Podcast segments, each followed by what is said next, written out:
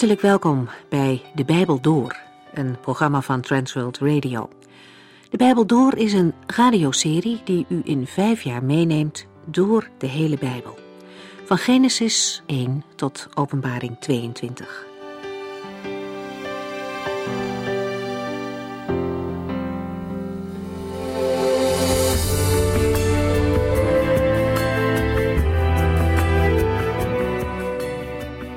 We zijn in deze serie bezig met het Bijbelboek Deuteronomium. En hierin passeren nog allerlei onderwerpen de revue die het maatschappelijk leven in Israël regelden. Het houden van deze wetten zou een samenleving creëren waarin het goed was voor mensen, maar ook voor dieren en ook voor het milieu. Centraal in deze samenleving stond de dienst aan de Heere God. Hoofdstuk 22 begint met dieren en spullen die iemand kwijtgeraakt is. Als een Israëliet zo'n dier of voorwerp tegenkwam, moest hij zich niet aan zijn verantwoordelijkheid onttrekken. Hij moest er goed voor zorgen totdat de eigenaar opkwam dagen. Geen enkel gebod van de Heere heeft als doel om ten koste van anderen rijker te worden. God liefhebben uit zich onder andere in zorg voor de mensen om je heen. Het is van belang om het welzijn van de naaste te bevorderen. En daarnaast wijst de Heere mensen er via de wet op dat ze zorg moeten dragen voor de natuur. In hoofdstuk 22 komen vervolgens verschillende situaties aan de orde die te maken hebben met het huwelijk. De eerste drie wetten worden als zware overtredingen afgesloten met de mededeling: een dergelijk kwaad moet uit uw midden worden weggedaan. En hieruit blijkt dat relaties in Israël niet louter een privézaak waren. Als mensen dit niet zo nauw namen met de huwelijkstrouw, dan had dat gevolgen voor anderen. God stond niet toe dat iedereen maar deed wat goed was in zijn eigen ogen. Op verkrachting bijvoorbeeld stond ook een strenge straf. Zo ontstond er bescherming voor mensen en voor huwelijken. We lezen door in hoofdstuk 23.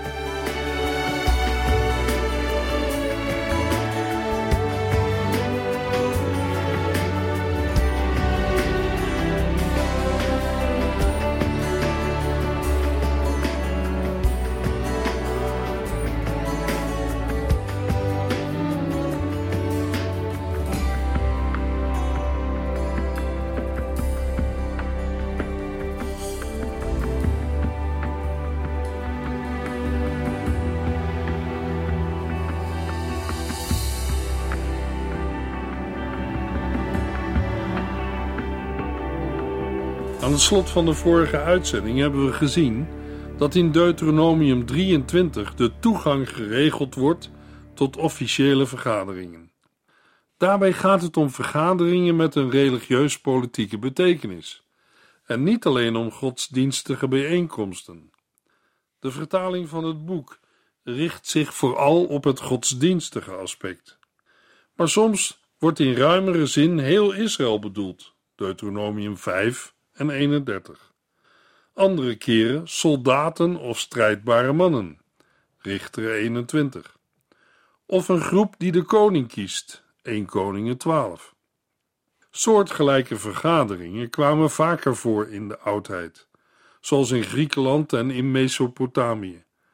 Daar lijkt de toegang tot zulke vergaderingen gelijk te staan met een volledig burgerschap. Een van de taken van zo'n vergadering was het verdelen van het land. Ook als een man wilde trouwen, was een volledig burgerschap nodig. Als een man werd toegelaten tot zo'n vergadering, stond dat gelijk met een volledig burgerschap. En bij dat volledige burgerschap hoorde het recht deel te nemen aan de erediensten en het recht te trouwen. In de vorige uitzending zagen we dat Deuteronomium 23, vers 1 zegt dat deze voorrechten niet toekomen aan een man die ontmand is. Als de mannelijkheid is beschadigd of verwijderd, mag de man de eredienst van de Heeren niet bijwonen. De tweede categorie, die geen toegang heeft, vinden we in Deuteronomium 23, vers 2. Een bastaard mag eveneens de eredienst niet bijwonen, en gedurende tien generaties mogen zijn nakomelingen dat ook niet. De betekenis van het woord bastaard is niet helemaal duidelijk. Er zijn vier mogelijkheden. A. Een nakomeling uit een onwettige relatie. zoals de term bij ons gebruikt wordt. B. Een nakomeling uit incest of overspel. Zie ook het volgende vers over de zonen van Lot. C. Een nakomeling van een Israëliet en een Canaaniet. Deuteronomium 7 vers 3. Of D. Een nakomeling van rituele prostitutie. Vers 17 en 18. De meeste uitleggers zoeken een verklaring bij de ergste vormen, omdat de lijst in Deuteronomium 23 dan van zeer ernstig naar minder ernstig gaat. Bij bastaards, die in tegenstelling tot de ontmanden in het vorige vers kinderen kunnen krijgen, geldt dat zelfs de tiende generatie niet mag toetreden tot de vergaderingen. In geestelijk opzicht kan er ook sprake zijn van onwettige kinderen van God. Het zijn mensen die zeggen een kind van God te zijn, maar het niet zijn. Wat kunnen dat voor mensen zijn? Iemand die godsdienstig is, maar niet opnieuw geboren. Zo'n persoon is helemaal geen kind van God. De Heer Jezus maakt dat duidelijk in zijn gesprek met Nicodemus. Nicodemus was fariseer en godsdienstig, een geestelijke leider van het volk Israël. Een man die al zijn Joodse verplichtingen nakwam. Toch zegt de Heer Jezus tegen hem dat hij opnieuw geboren moet worden. Johannes 3, vers 3. Luister goed: wie niet opnieuw geboren wordt, kan het koninkrijk van God niet ontdekken. Een mens moet door de geest van God nieuw leven krijgen. Johannes 3, vers 8. Luisteraar, het is een goede vraag om aan uzelf te stellen: bent u opnieuw geboren? Kent u de Heer Jezus Christus als uw persoonlijke heiland en verlosser? Hebt u door de Heilige Geest nieuw leven van God ontvangen? Johannes 1, vers 12 en 13 lezen we: Alle die Hem wel aanvaard hebben en geloven in Zijn naam, heeft Hij het recht gegeven kinderen van God te worden. Zij worden opnieuw geboren, niet op natuurlijke wijze of vanuit menselijk verlangen of omdat een mens dat wil, maar zij zijn uit God geboren. Hoe vroom of godsdienstig een mens ook is, het kan de wedergeboorte niet vervangen. Aan de andere kant, wie u ook maar bent, waar u ook vandaan bent gekomen en hoe diep u ooit gezonken was, als u opnieuw geboren bent, bent u een kind van God. Dat kan niemand u afpakken. De duivel niet, de wereld niet en ook onze oude mens niet. Deuteronomium 23, vers 3 tot en met 6. Geen enkele Ammoniet of Moabiet mag ooit aanwezig zijn bij de eredienst, zelfs niet na de tiende generatie. De reden voor dit verbod is dat deze volken u niet verwelkomden met voedsel en water toen u vanuit Egypte hier aankwam. Integendeel, zij huurden Biliam, de zoon van Beor, uit Mesopotamië om u te vervloeken. Maar de Heere, uw God, heeft niet naar Biliam geluisterd, integendeel. Hij veranderde de vloek voor u in een zegen, omdat de Heer uw God van u houdt. U mag, zolang u leeft, nooit proberen de Amorieten of Moabieten op welke manier dan ook te helpen. De Ammonieten en de Moabieten vormen de derde categorie uitgeslotenen, die eveneens tot in het tiende geslacht geen toegang krijgen. Omdat dit vers volgt op een bepaling over een bastaard, zal het een toespeling zijn op de afkomst van deze volken. Het zijn zonen van Lot en zijn dochters, Genesis 19. Terwijl in Deuteronomium 2 dezelfde volken, net als Edom, vriendelijk behandeld worden, is er nu onderscheid met Edom. Als motivatie van de uitsluiting staat er dat beide volken hebben nagelaten Israël eten en drinken te verschaffen. Ook huurde zij Biliam, de zoon van Beor, om een vervloeking uit te spreken. Maar de Heere heeft ingegrepen en de vloek in een zegen veranderd, omdat hij Israël lief heeft. Vanwege de genoemde daden mag Israël nooit de vrede en het goede voor de Ammonieten en Moabieten zoeken. Dat wil zeggen, er mogen geen normale betrekkingen aangeknoopt worden en ook geen verdragen worden gesloten. Ook vandaag moeten christenen geen verbintenissen aangaan met de wereld. Ammonieten en Moabieten staan voor de meest goddeloze en gruwelijke praktijken. Overal in het Oude Testament wordt Israël voor hen gewaarschuwd. Zij verpersoonlijken de vader van de leugen, de duivel. Satan mag de gemeente van Christus niet binnendringen, maar dat probeert hij wel. Het zijn vaak kleine dingen die de omgang met elkaar bederven. In Hooglied 2, vers 15 wordt het beeld gebruikt van jonge vossen in een wijngaard. Vang de jonge vossen die onze wijngaarden ruïneren. Wij kunnen ons daar niet veel bij voorstellen, maar in Israël wel. Vossen kunnen een wijngaard veel schade toebrengen. Deuteronomium 23, vers 7 en 8. Maar kijk niet neer op Edomieten en de Egyptenaren. De Edomieten zijn immers uw broeders, en u hebt lange tijd onder de Egyptenaren geleefd. De achterkleinkinderen van de Egyptenaren en Edomieten die bij u wonen, mogen het heiligdom van de Heere wel betreden. Voor Edomieten geldt een andere regeling. Op hen mag niet worden neergekeken, want ze zijn Israëls broeder. Edom is de naam voor de nakomelingen van Esau, Genesis 36, de broer van Jacob. In Deuteronomium 2, vers 4 is sprake van uw broeders, de zonen van Esau. Er is hier geen verwijzing naar de rivaliteit tussen beide broers, Genesis 25. En het negatieve gedrag in nummer 20 wordt niet aangerekend.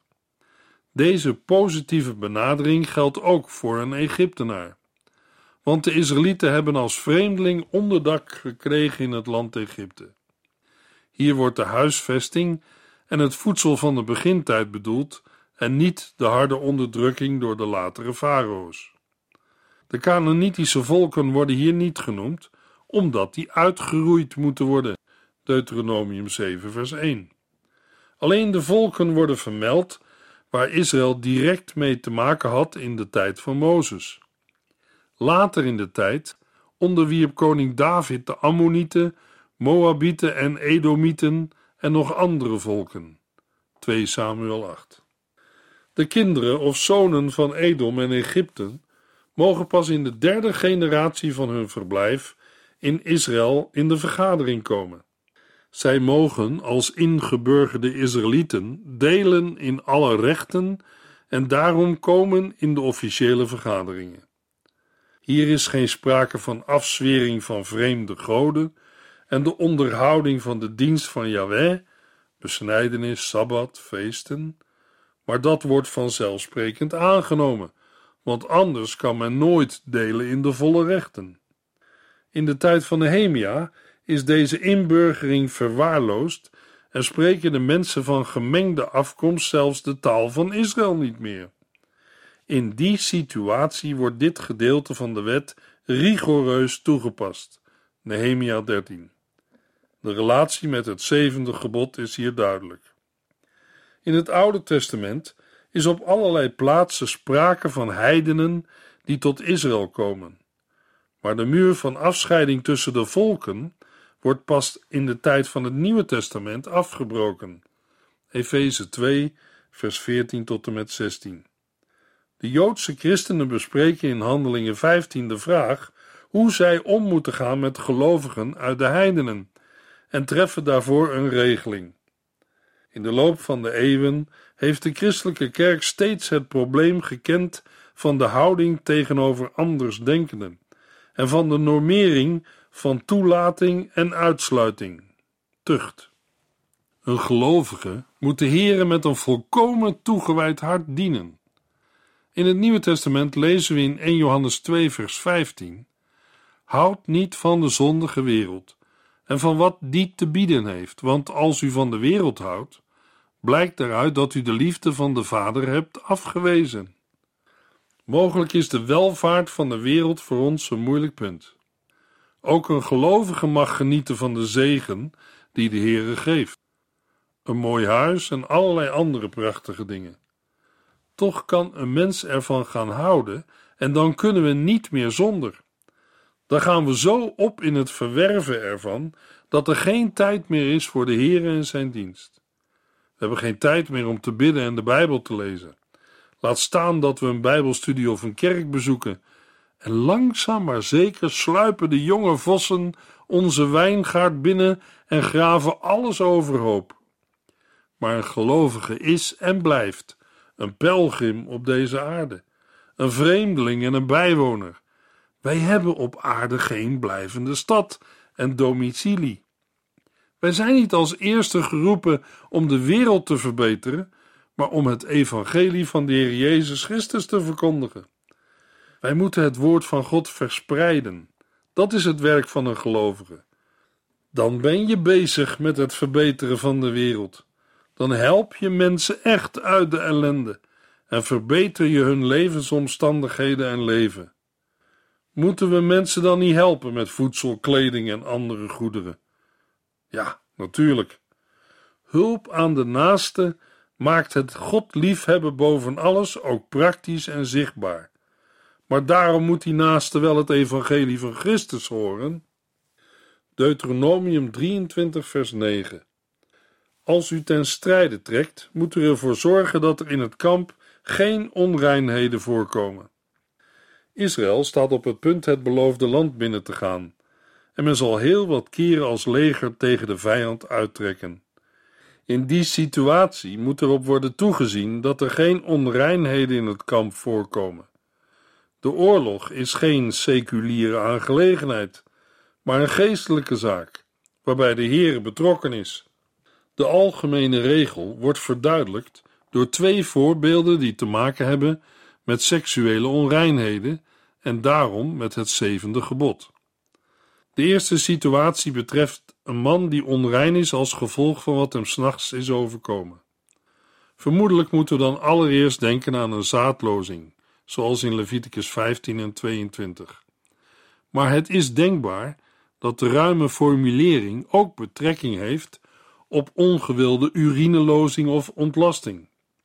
Het tweede voorbeeld heeft te maken met het begraven van uitwerpselen. Deuteronomium 23, vers 12 tot en met 14. Het toiletgebied moet buiten het kamp liggen. Iedere man moet een schepje in zijn uitrusting hebben. Als hij zijn behoefte doet, moet hij een kuil graven en de uitwerpselen met aarde bedekken. Het kamp moet heilig zijn, want de Heer uw God is bij u om u te beschermen en ervoor te zorgen dat u uw vijanden overwint. De Heere wil niets onbehoorlijks bij u zien, anders keert hij zich tegen u. Het woord dat vertaald is met schepje is onzeker en betekent zoiets als uitrusting. Hierbij behoeven we niet per se aan een apart schopje te denken, zoals in Qumran is gevonden. Maar kan het ook een tentpin zijn geweest, die altijd in een legerkamp aanwezig is? Hoewel wij direct denken aan hygiëne, is de motivatie hier godsdienstig. De legerplaats behoort heilig te zijn. De voorschriften hebben ook een hygiënische waarde, zoals in de loop van de eeuwen keer op keer is gebleken, onder andere tijdens epidemieën in West-Europa. Persoonlijke hygiëne en reinheid van het leefmilieu zijn geen profane, maar godsdienstige aangelegenheden. We horen vandaag zoveel over vervuiling van land en lucht. Wie is daarvoor verantwoordelijk? De Heer God zeker niet. Wij mensen zijn ervoor verantwoordelijk. Laten we acht geven op en leven naar de instructies van de Heer. Ook vandaag wil de Heer dat wij ons lichaam en onze omgeving schoonhouden, als ook onze handel, wandel en gedachten. Ook vandaag geldt 1 Petrus 2, vers 9. U bent door God uitgekozen. Mensen die voor God zijn afgezonderd, om overal te vertellen hoe goed en groot Hij is. De Heere zegt: Wees heilig, want ik ben heilig. De behandeling in vers 15 en 16 van een weggevluchte slaaf past bij de bespreking van het achtste gebod. Over omgaan met het eigendom van anderen. Maar er is ook een verband met het voorafgaande, waar sprake is van opname in de samenleving van buitenlanders. Het lijkt erop dat hier sprake is van een overgangsgedeelte van de behandeling van het zevende naar het achtste gebod. Deuteronomium 23, vers 17 en 18.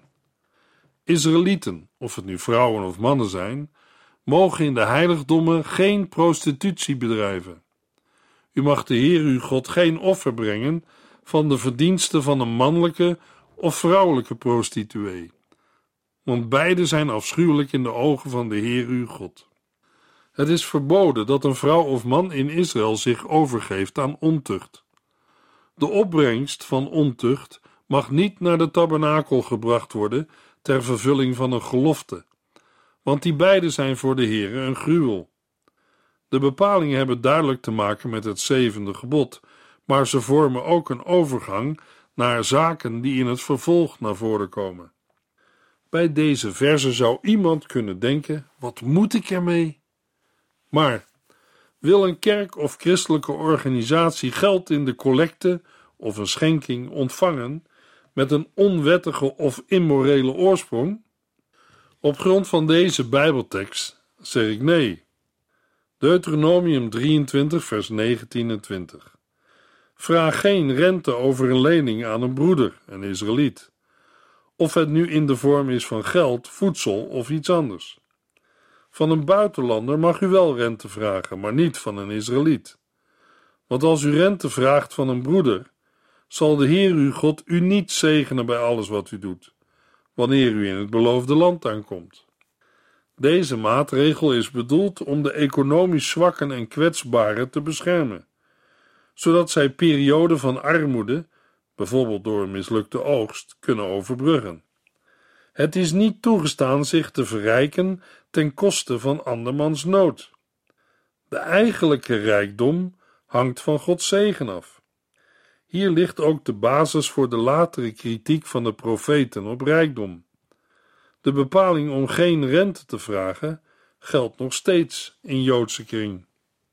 In de huidige staat Israël wordt rentevrij uitgeleend op basis van onderpand en het risicodragende participeren in joint ventures.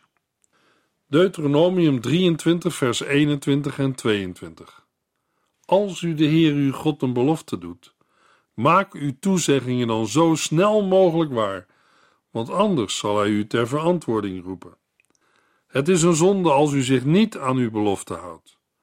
Maar als u geen belofte hebt gedaan, bent u ook niets schuldig. Een belofte aan de Heer was een vrijwillige handeling. Niemand hoefde een belofte af te leggen.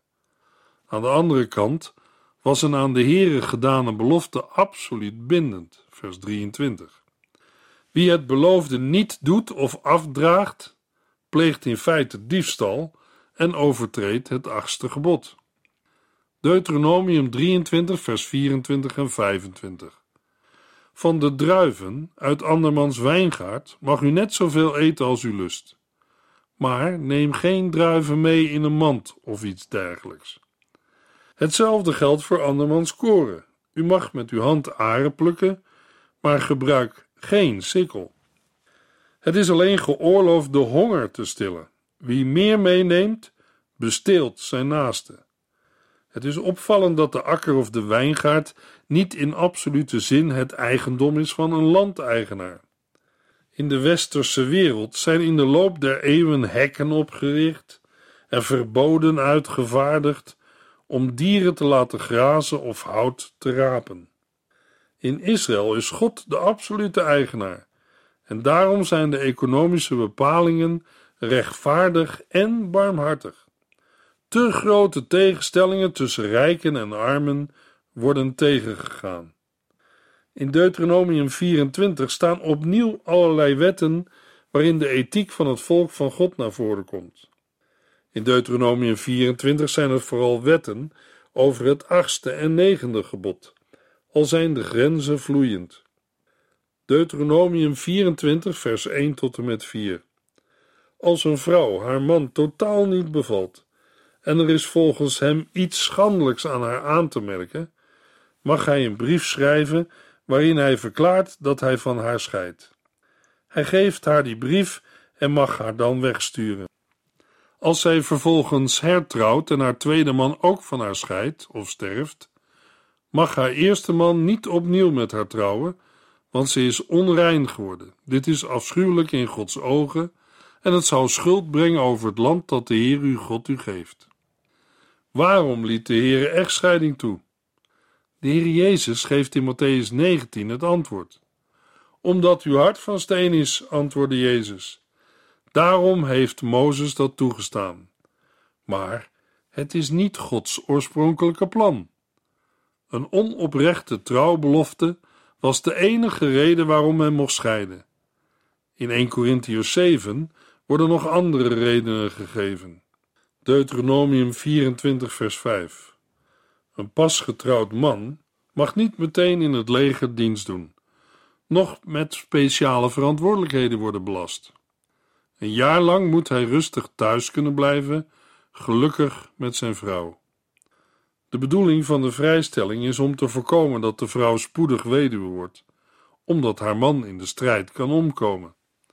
In de bepalingen ter uitwerking van het achtste gebod wordt in de versen 6 tot en met 22 eerst diefstal van eigendom behandeld, dan diefstal van leven in de vorm van aantasting van waardigheid en tenslotte diefstal van personen.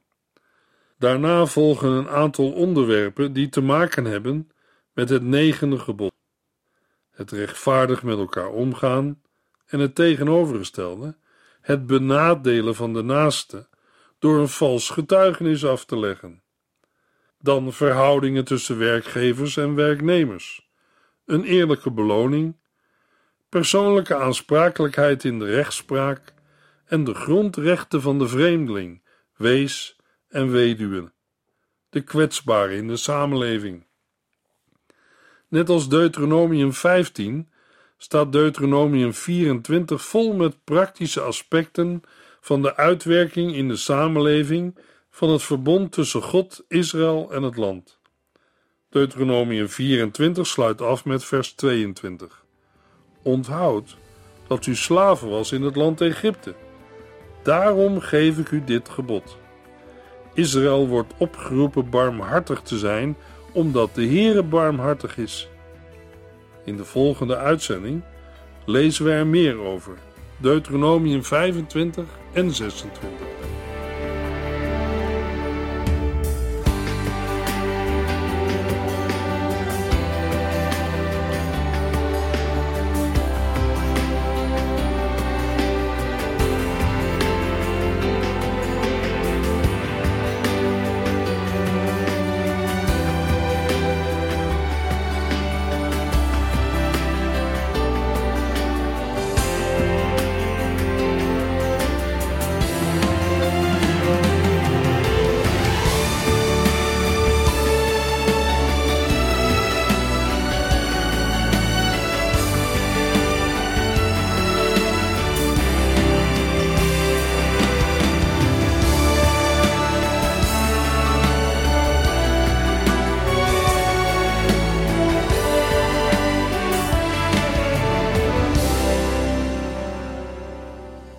Geluisterd naar De Bijbel Door.